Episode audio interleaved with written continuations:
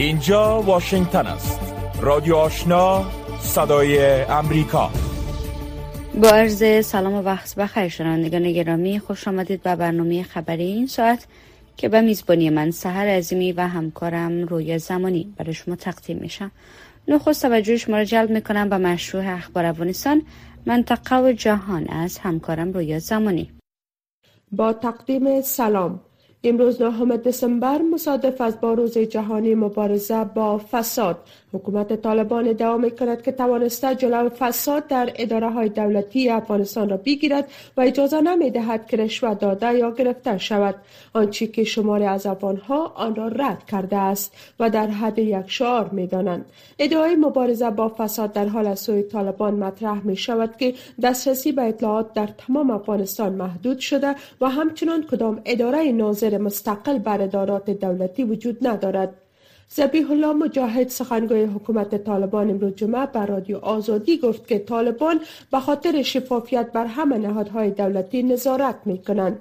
این ادعا در حال می شود که پس از حاکمیت دوباره طالبان در افغانستان تنها در بخش توزیع پاسپورت صدها تن از فساد در این روند صحبت می کنند. همین گونه خود طالبان هم بارها از بازداشت شماری از کسانی خبر دادند که به گفته آنان به خاطر گرفتن پاسپورت به مردم از آنان پول گرفته بودند. اداره زنان سازمان ملل متحد می‌گوید که اعضای جامعه مدنی می‌خواهند که به تمام دختران در افغانستان اجازه رفتن به مکتب داده شود. جزیات بیشتر را از میرویس رحمانی مشنوید. انتظار می رود این اداره فردا شنبه در پایان کمپاین 16 روزه محو خشونت در برابر زنان اعلامیه ای را نشر کند. اداره امور زنان سازمان ملل متحد می گوید که در جریان کمپاین 16 روزه از همکارانش در جامعه مدنی پرسیده که بگویند در حال حاضر با زنان و دختران افغان چی واقع می شود. در پیام ویدیویی که از سوی این اداره به اشتراک گذاشته شده آمده که بیش از نیم از جمعیت افغانستان زنان بوده و بسته ماندن مکتب ها بر روی آنان به معنای ویرانی جامعه افغانستان است در پیام از جامعه جهانی خواسته شده که صدای زنان افغان را نادیده نگیرد طالبان با حاکمیت دوباره در افغانستان محدودیت های زیاد را بر زنان و دختران وضع کردند که ممانعت از کار، آموزش و تا بیرون شدن از خانه از مهمترین این محدودیت ها است.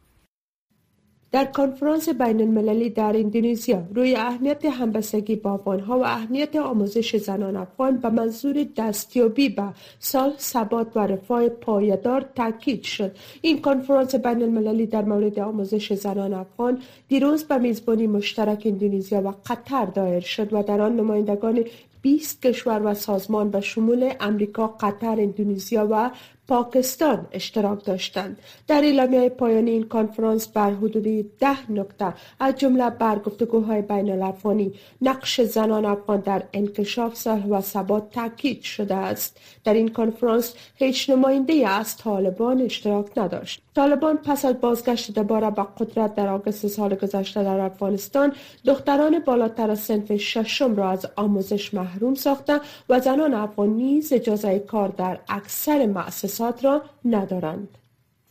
شما شنونده خبرهای منطقه و جهان از امواج رادیو آشنا صدای امریکا هستید.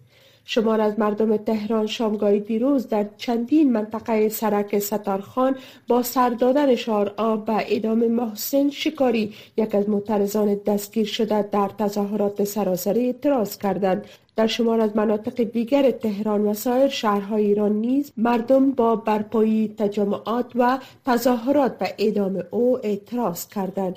قوای قضایه ایران محسن شکاری معترض 23 ساله را به دلیل بستن سرک ستارخان در تهران در جریان تظاهرات به محاربه متهم کرد و حکم اعدام او صبح دیروز اجرا شد. وزارت خارجه ایالات متحده شماری از کشورها و نهادهای حقوق بشر نیز به اعدام محسن شکاری توسط جمهوری اسلامی واکنش نشان دادند و آن را نشانه از تشدید تلاش حکومت ایران برای سرکوب مخالفت ها و اعتراضات دانستند. اسلام آباد از فهرست تازه واشنگتن که پاکستان را در میان کشورهای قابل نگرانی از لحاظ آزادی های مذهبی قرار داده انتقاد کرده است. امریکا هفته گذشته در کنار پاکستان، چین، روسیه، ایران، عربستان سعودی، کره شمالی و در مجموع 11 کشور را در فهرست قرار داده است که از آزادی های مذهبی تخطی می کنند یا هم این آزادی ها را نادیده می گیرند. با این اعلام انتونی بلینکن وزیر خارجه امریکا وزارت خارجه پاکستان روز گذشته واکنش نشان داد و گفته این وزارت گزارش امریکا مخالف با واقعیت های عینی پاکستان است. ایالات متحده در نظر دارد امروز بر روسیه و چین تعذیرات جدید وضع کند. دو مقام امریکایی گفتند که فشارها بر مسکو برای استفاده از تیاره های بی پیلوت ایرانی در جنگ اوکراین شامل این تعذیرات است. جزیات بیشتر را از فرخنده پیمانی مشنوید. این مقام های امریکایی که در گزارش نامی از آنان گرفته نشده است گفتند که تعذیرات همچنان 170 نهاد چینی را هدف قرار خواهد داد که واشنگتن می‌گوید در ماهیگیری غیرقانونی در اقیانوس آرام دخیلند نگرانی های وجود دارد که چین در اقیانوس آرام بیش از حد ماهیگیری کرده و از واحدهای ماهیگیری خود برای گسترش نفوذ آبی بیجینگ استفاده می کند. وال استریت جورنال نخست در مورد این تعذیرات گزارش داده بود. اکثریت این تعذیرات جدید تحت قانون جهانی مگنتسکی وضع می شود این قانون سال 2016 به حکومت ایالات متحده صلاحیت می دهد تا مقامات حکومت های خارجی را که ناقضین حقوق بشرند در سراسر جهان تحریم کند. دارایی هایشان را منجمد کرده و آنان را از ورود به ایالات متحده من کند. ایالات متحده صادرات تیاره های بی سرنشین ایران به روسیه و کاربرد آن علیه اوکراین را تقبیح کرده است. انتظار می رود که این تعزیرات شماری از نهادهای صنعت دفاعی روسیه را که در انتقال طیاره های بی سرنشین ایران به مسکو دخیلند هدف قرار دهد. این در حال است که ایالات متحده قرار است به اوکراین سیستم های ضد طیاره های بی سرنشین فراهم کند. در خبر دیگر مقامات اوکراینی ادعا کردند که نیروهای روسیه چندین راکت انداز را در نیروگاه اتمی تعطیل شده زاپوریژیا در اوکراین نصب کرده است. به گفته مقامات اوکراینی این حرکت روسیه نگرانی را ایجاد کرده است که از این بزرگترین نیروگاه اتمی اروپا به حیث پایگاه فیر راکت بر قلمرو اوکراین و تشدید خطرات تشعشات رادیواکتیو استفاده شود. بر اساس خبرگزاری اسوسییتد پرس شرکت هسته اوکراین در اعلامیه گفته است که نیروهای های روسی که این نیروگاه را اشغال کردند چندین راکت انداز چندگانه گریت را در نزدیکی یک از شش رکتور هسته نیروگاه اتمی ژوپوریژیا قرار دادند. این ادعا به طور مستقل تا حال قابل تایید نیست. شیخ حسینه صدر بنگلادش در یک گرد همایی عمومی بیان داشته است که انتخابات عمومی بعد این کشور در هفته اول جنوری سال 2024 برگزار خواهد شد. حسینه در سال 2018 برای سیومین بار دوباره انتخاب شد اما این پیروزی حزبش توان با خشونت و اتهامات همراه بود. احزاب مخالف در این کشور ادعا می کنند که در رایگیری سال 2018 افراد به گفته آنان عرض الاوباش طرفدار دولت با کمک پلیس صندوق های رای را به طور غیر قانونی در غرفه های رای دهی در سراسر این کشور در حضور مقامات انتخاباتی و امنیتی پر کردند. این اطلاف و فعالان طرفدار دموکراسی نتایج انتخابات را رد کرد و این گزارش ها سرخط خبرهای جهانی گردید. در ماه اخیر سازمان ملل متحد و کشورها جمله ایالات متحده آمریکا از حکومت حسینه خواستند که انتخابات ملی آینده آن کشور را به طور آزاد و عادلانه برگزار کند. کروشیا به منطقه شنگن اروپا پیوست و شهروندان آن می توانند بدون پاسپورت و ویزا به کشورهای عضو این منطقه سفر کنند جمهوری چک که در حال حاضر ریاست اتحادیه اروپا را بر عهده دارد دیروز در توییتر اعلام کرد که این اقدام از جنوری سال 2023 قابل اجرا خواهد بود این تصمیم پس از نشست وزرای داخله و عدلیه اتحادیه اروپا در بروکسل اتخاذ شد. نمزدی بلغاریا و رومانیا برای عضویت منطقه شنگن پذیرفته نشد. منطقه شنگن شامل 26 کشور است که 22 کشور عضو اتحادیه اروپا ایسلند لختن اشتانیا ناروی و سوئیس را شامل می شود سازمان ملل متحد خبر داده است که کلرا در هایتی در حال افزایش است و از 145 میلیون دلار درخواست کمک تنها 16 درصد این پول تا اکنون جمع شده است. این سازمان روز پنجشنبه گفت که 283 نفر در اثر این بیماری جان خود را از دست دادند در حالی که 12 هزار نفر در شفاخانه بستری هستند. بیش از 1400 مورد مشکوک تا حال ثبت شده است. از زمان شیوع این بیماری 155 هزار نفر بیجا شدند که نشان دهنده افزایش 80 درصد از ماه آگست تا حال است. سازمان جهانی صحت می‌گوید که کلرا همچنان تهدید جهانی برای صحت عامه باقی مانده است که نشان دهنده شاخص نابرابری و عدم توسعه اجتماعی می باشد و در آخرین خبر بریتنی گراینر ستاره حرفه بسکتبال ایالات متحده که در بدل رهایی وکتور بود مشهور به تاجر مرگ قاچاقبر مشهور روسی اسلحه دیروز رها شده بود. امروز به ایالت تکساس در جنوب ایالات متحده رسید. گراینر بعد از دیدار با خانوادهش برای معاینات صحی برده خواهد شد. ایالات متحده امریکا و روسیه با آنکه به خاطر جنگ اوکراین درگیر تنش شدید و جدی هستند روز گذشته اعلام کردند که شماری از زندانیان را تبادله کردند. جو بایدن رئیس جمهور ایالات متحده اوایل صبح پنجشنبه ضمن اعلام رهایی خانم گراینر گفت که با او صحبت کرده است. رئیس جمهور ایالات متحده گفت که امارات متحده عربی رهایی گراینر را تسهیل کرده است. از سوی هم وزارت خارجه روسیه نیز در بیانیه‌ای اعلام کرد که تبادله ویکتور بوت شهروند روسی با بریتنی گراینر شهروند امریکا به تاریخ 8 دسامبر سال 2022 در میدان هوایی ابوظبی با موفقیت انجام شد.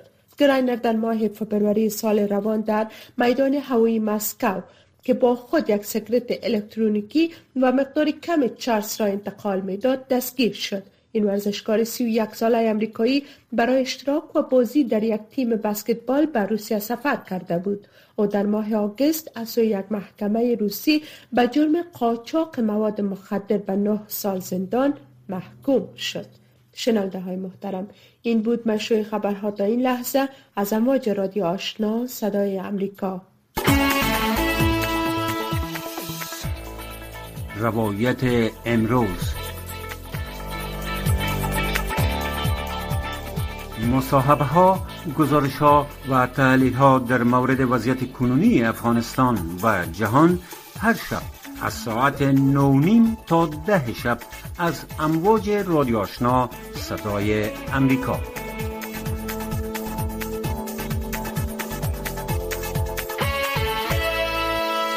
و حالا می رسیم به بخش گزارش این ساعت. صفیه وزیر نخستین قانونگذار ایالتی افغان تبار در ایالات متحده می‌گوید که عدم موجودیت انسجام بیشتر میان افغانها باعث شده تا آنان در صحنه سیاست امریکا حضور نداشته باشند خانم وزیر در مصاحبه با صدای امریکا گفت که امریکایی های افغان تبار برای راه یافتن به نهادهای سیاسی امریکا باید نخست کارزار خود را از بردهای مکاتب و انتخابات شهری آغاز کنند. و هرگز از ناکامی در مراحل ابتدایی مایوس نشوند. صفیه وزیر نخست به این پرسش پاسخ داد. که آیا مسیر انتخابات او به مجلس نمایندگان ایالت نیو همشر سهل بوده یا دشواری هایی را مواجه شده است؟ Um, نخست از همه به عنوان یک زن مسلمان افغان تبار برای کاندید شدن در مجلس پیامدها و عواقب متعددی را مواجه می شویم اما به گونه ایدئال باید قادر باشیم خودمان و باورهای سیاسی را که با آن مواجه هستیم شناسایی کنیم. آنچه که برای شما مهم است باید برای دهندگانتان مهم باشد. وقتی وارد کارزار انتخاباتی شدم برای من مهم بود که کدام مسائل و مشکلاتی هستند که مردم نیو همشر با آن مواجهند و از آن متاثر شدند بنابراین برای آنان مهم نبود که ببینند من به عنوان یک زن مسلمان یا یک افغان به نمایندگی از آنها نامزد می شود برای آنها این های اهمیت بود که من از چه نمایندگی می کنم و مسائلی که برای من مهمند و برای رای دهندگان من های اهمیتن آیا قادر هستم که از آنها به یک شیوه مثبت نمایندگی کنم یا نه؟ پیام رسانی من کسب رأی و اعتمادشان بود تا با آنها صحبت کنم و اطمینان را ایجاد کنم که من از مسائلی که در اطراف آنان جریان دارد آگاه هستم شما از مشکلاتی که با او مواجه شدن یاد کردن آیا به عنوان یک زن مسلمان امریکایی افغان تبار هم با مشکلات در این مسیر کارزار انتخاباتی مواجه بودن یا خیر؟ بله وقتی من در راستای کارزار انتخاباتی داخل شدم موانعی را در پیش روی خود مشاهده کردم. رقبای من مرا به خاطر زن بودن و باردار بودنم و باد انتقاد گرفتند و توانایی مرا برای انجام کارهای متعدد و مشخص زیر سوال بردن. لذا به خاطری که من روی مسائلی که فکر کرده بودم قادر هستیم در آنها تغییر ایجاد کنم و درباره آن بشنوم و بر زندگی مردم تاثیر ایجاد کنم باور داشتم. بله من نگرانی هایی داشتم که اگر خود را در خط مقدم قرار دهم با اثرات منفی از جانب رای دهندگان مواجه خواهم شد. اثرات منفی چون خواهند گفت که او یک زن مسلمان است و افغان و مهاجر است و از این قبل چیزها.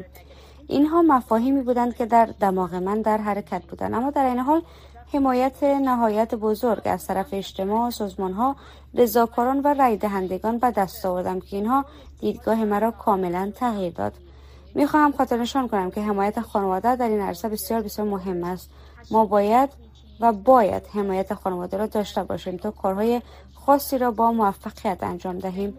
لذا برای من پیامت های بسیار منفی را از طریق مخالفینم مشاهده کردم اما در این حال واکنش های بسیار مثبت و انرژی دهنده نیز از جانب رای دهندگانم حاصل کردم که بسیار انگیزه دهنده بود. ببینن ما افغان های که در امریکا زندگی می‌کنن می‌بینیم که کمتر علاقمندی در کارزار انتخاباتی امریکا از خود نشان میدن. مثلا شما را در نیومشهر داریم و خانم آیشه وهاب در ایالت کالیفرنیا به تازگی در مجلس سنای ایالتی راه یافته. شما این عدم علاقمندی را در کجا می‌بینن؟ مشکلات اقتصادی است ناتوانی های زبانی است یا اینکه کدام مشکلات دیگه باعث میشه که افغان ها به عرصه سیاست امریکا از خود علاقمندی نشان نمیدن Um, that is a very comprehensive topic. یک موضوع بسیار جامع است. می‌خواهم چند مورد را که فکر می کنم مانع افغانهای ما برای حضور در کارزار انتخاباتی می شود ذکر کنم.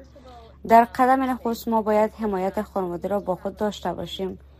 یک بار که خانواده در عقب ما ایستاد تغییرات زیاد رونما می شود. بخش دیگر این است که افغانهای ما در کنار همدیگر منسجم نیستند و از تصامیم ما حمایت نمی کنند. اینها تاثیرات منفی به جا می‌گذارد. آنان همدیگر خود را حمایت نمی کنند اینها مسائلی است که فکر می کنم باعث می شود افغانها در کارزارهای انتخاباتی امریکا شرکت نمی کنند بخش دیگر این است که ما هنوز با افغانستان در ارتباط هستیم و درباره زندگی اعضای خانوادهمان ترس داریم. به خاطر وضعیت فعلی که ایجاد شده بسیاری مردم ترجیح می دهند تا از منظر رسانه ها و تلویزیون ها دوری جویند. این واقعا یک مشکل سیستماتیک نیست. فکر می کنم که ما دموکراسی را که در ایالات متحده دامن گسترده است بپذیریم. دموکراسی موجود در امریکا از آنچه در افغانستان است بسیار متفاوت می باشد و منظور حمایتی که ما برای داشتن پشتیبان نیاز داریم باید پشتوانه رای دهندگان ما را به دست بیاوریم و بتوانیم از اقداماتی که انجام می دهیم حمایت کسب کنیم. ما باید اعتماد افغانهایمان را به خود داشته باشیم و نسبت به اهداف همدیگر منسجم باشیم. اینها چیزی است که می‌توانیم تاثیراتی را بر افغانها جهت حضور بیشترشان در کارزار انتخاباتی ایجاد کنیم. روکو راست. صحبت های داغ صاحب نظران و نظریات شنوندگان در مورد خبرها و مسائل روز هر شام از ساعت 8 تا 9 شب در برنامه مشترک دری و پشتوی رادیو آشنا صدای امریکا. شورای جهانی موسیقی لقب قهرمان حقوقی موسیقی سال 2022 را به احمد ناصر سرمست بنیانگذار و رئیس انستیتوت ملی موسیقی افغانستان اهدا کرده است. جزئیات بیشتر را از همکارم فرخنده پیمانی میشنویم.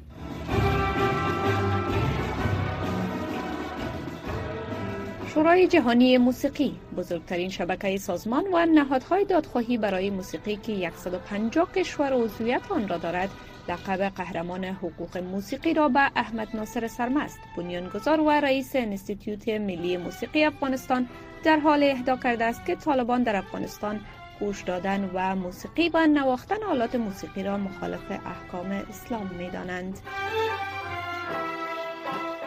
شورای جهانی موسیقی در سال 1949 در چوکات یونسکو من مشاور یونسکو ایجاد شد و از امو تاریخ به تابعال وظیفه دادخواهی بر هنرمند موسیقی و تضمین حقوق موسیقی را بر تمام اتباع کشورهای مختلف بهوده دارن و کیش بر پنج حق اینا معمولا فعالیت می‌کنند که پنج حق منیس حقوق اساسی حقوق اساسی موسیقی مردم اینا مشخص ساختند شورای جهانی موسیقی از سال 1949 به این در مشاورت سازمان فرهنگی و آموزشی ملل متحد یا یونسکو در های مختلف حقوق موسیقی با ویژه حق آزادی بیان از طریق موسیقی دادخواهی و فعالیت می کند.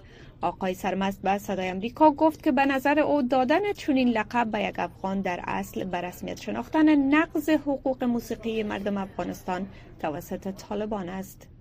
در لحظه کنونی در شرایطی که مردم افغانستان هزار پنج حق موسیقیشان معروم هستند اهدای لقب قهرمان حقوق موسیقی بر یک افغان از طرف شورای جهانی موسیقی از دید من ای بر رسمت شناختن نقص حقوق موسیقی مردم افغانستان از طرف طالبان است و از طرف دیگه هم ای بر رسمت شناختن مبارزه بر حق هنرمند موسیقی و مردم افغانستان برای اعاده حقوقشان است. آقای سرمست گفت که این لقب مانند عنوان سفیر حسن نیت ملل متحد بوده رقابتی نیست و جایزه یا پاداش نقدی ندارد. انستیتوت ملی موسیقی افغانستان که در سال 2010 توسط آقای سرمست ایجاد شد نخستین و یگانه مرکز آموزش موسیقی در آن کشور بود. جایی که در کنار موسیقی شرقی زمینه را برای آموزش موسیقی فولکلوریک افغانستان نیز مساعد می ساخت در اواسط آگوست سال گذشته با تسلط طالبان بر افغانستان از اعضای انستیتوت ملی موسیقی افغانستان مجبور به ترک افغانستان شدند و با همکاری نهادهای حامی موسیقی و تلاش آقای سرمست در زمینه خارج شدن اعضای این انستیتوت موفق شدند تا به پرتغال انتقال داده شوند و دوباره فعالیت‌هایشان را از سر گیرند. فرخنده پیمانی تلویزیون آشنا صدای آمریکا واشنگتن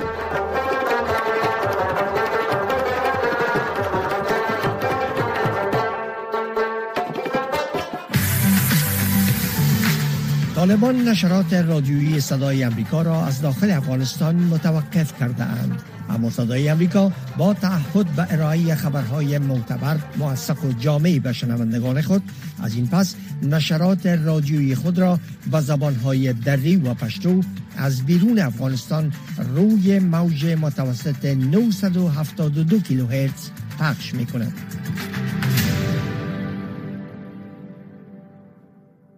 همزمان با روز جهانی معلولین شماری از معلولین در ولایت هرات که به مواد مخدر معتاد هستند می‌گویند اعتیاد زندگیشان را به نابودی کشانیده است.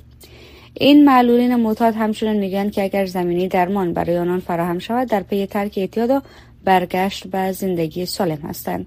سید عارف قطالی با جزئیات بیشتر عبدالرحمن در کنار معلولیت و فقر از دو سال به این سو معتاد به مواد مخدر نیز شده است. او دو سال پیش یک پایش را در جنگ در ولایت بادغیس از دست داد و به دلیل مشکلات اقتصادی نتوانست که پایش را درمان کند و ای برای تسکین شدت درد پا و استعمال مواد مخدر روی آورده است. یک آدم سالم خیلی راحت می‌تونه خرج عمل خود پیدا کنه یا خرج خانه خود پیدا کنه. ولی یک آدم معلول چی رقم پیدا کنه؟ خود شما فکر کنید که سختی از این قضیاتی که نمیشه بیان کرد.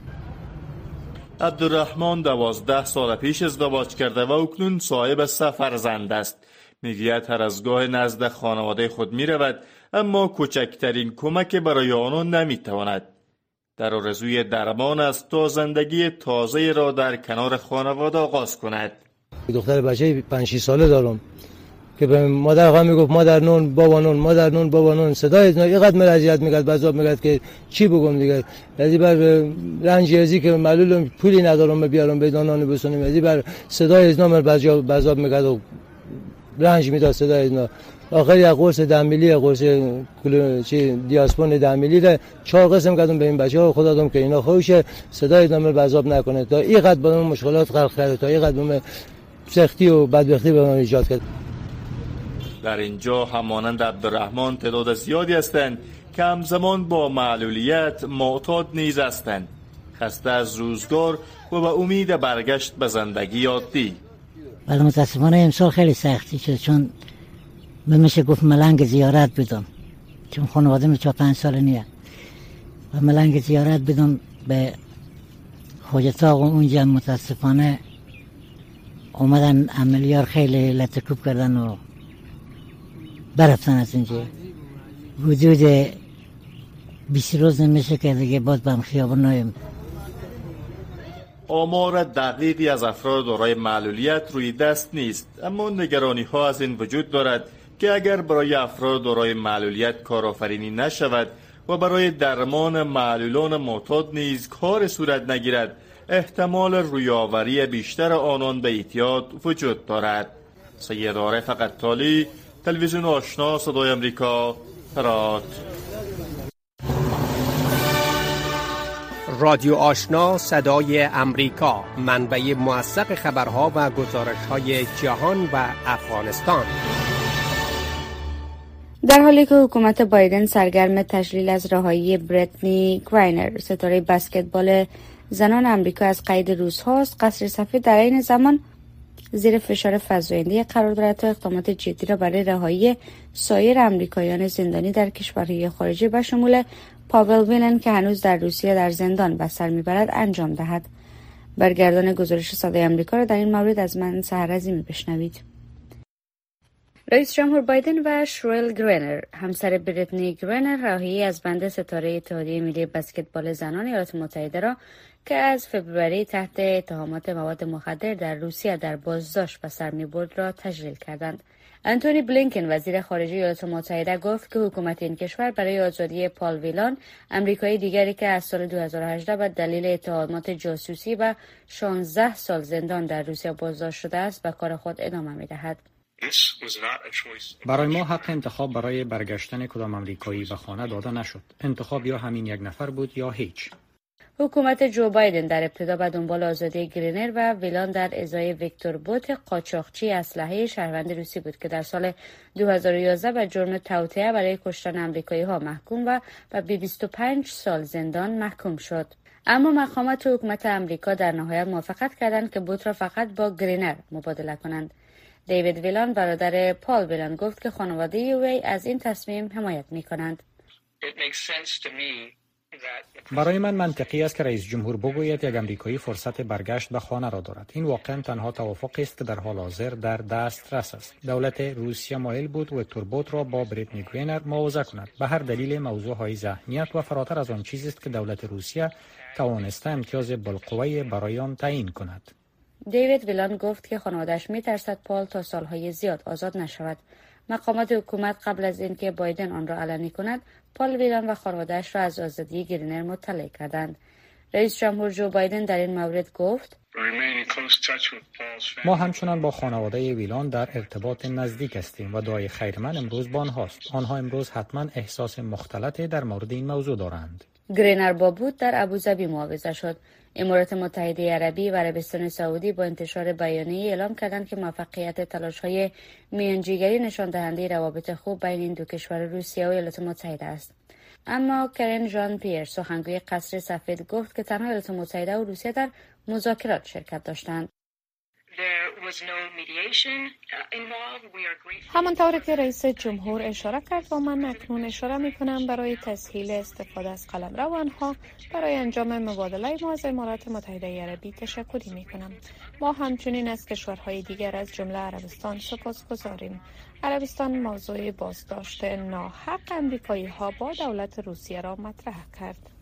در حالی که پرونده ویلان پر مخاطب است موارد بسیار کمتری شناخته شده است و گفته یکی از مقامات وزارت امور خارجه بین چهل تا 50 امریکایی به اشتباه توسط دولت های خارجی بازداشت شدند که بسیاری از آنها نسبت به ویلن و گرینر پوشش رسانه‌ای به مراتب کمتر دریافت کردند. طالبان نشرات رادیویی صدای امریکا را از داخل افغانستان متوقف کرده اند. اما صدای امریکا با تعهد به ارائه خبرهای معتبر موثق و جامعی به شنوندگان خود از این پس نشرات رادیویی خود را به زبانهای دری و پشتو از بیرون افغانستان روی موج متوسط 972 کیلوهرتز پخش می کند.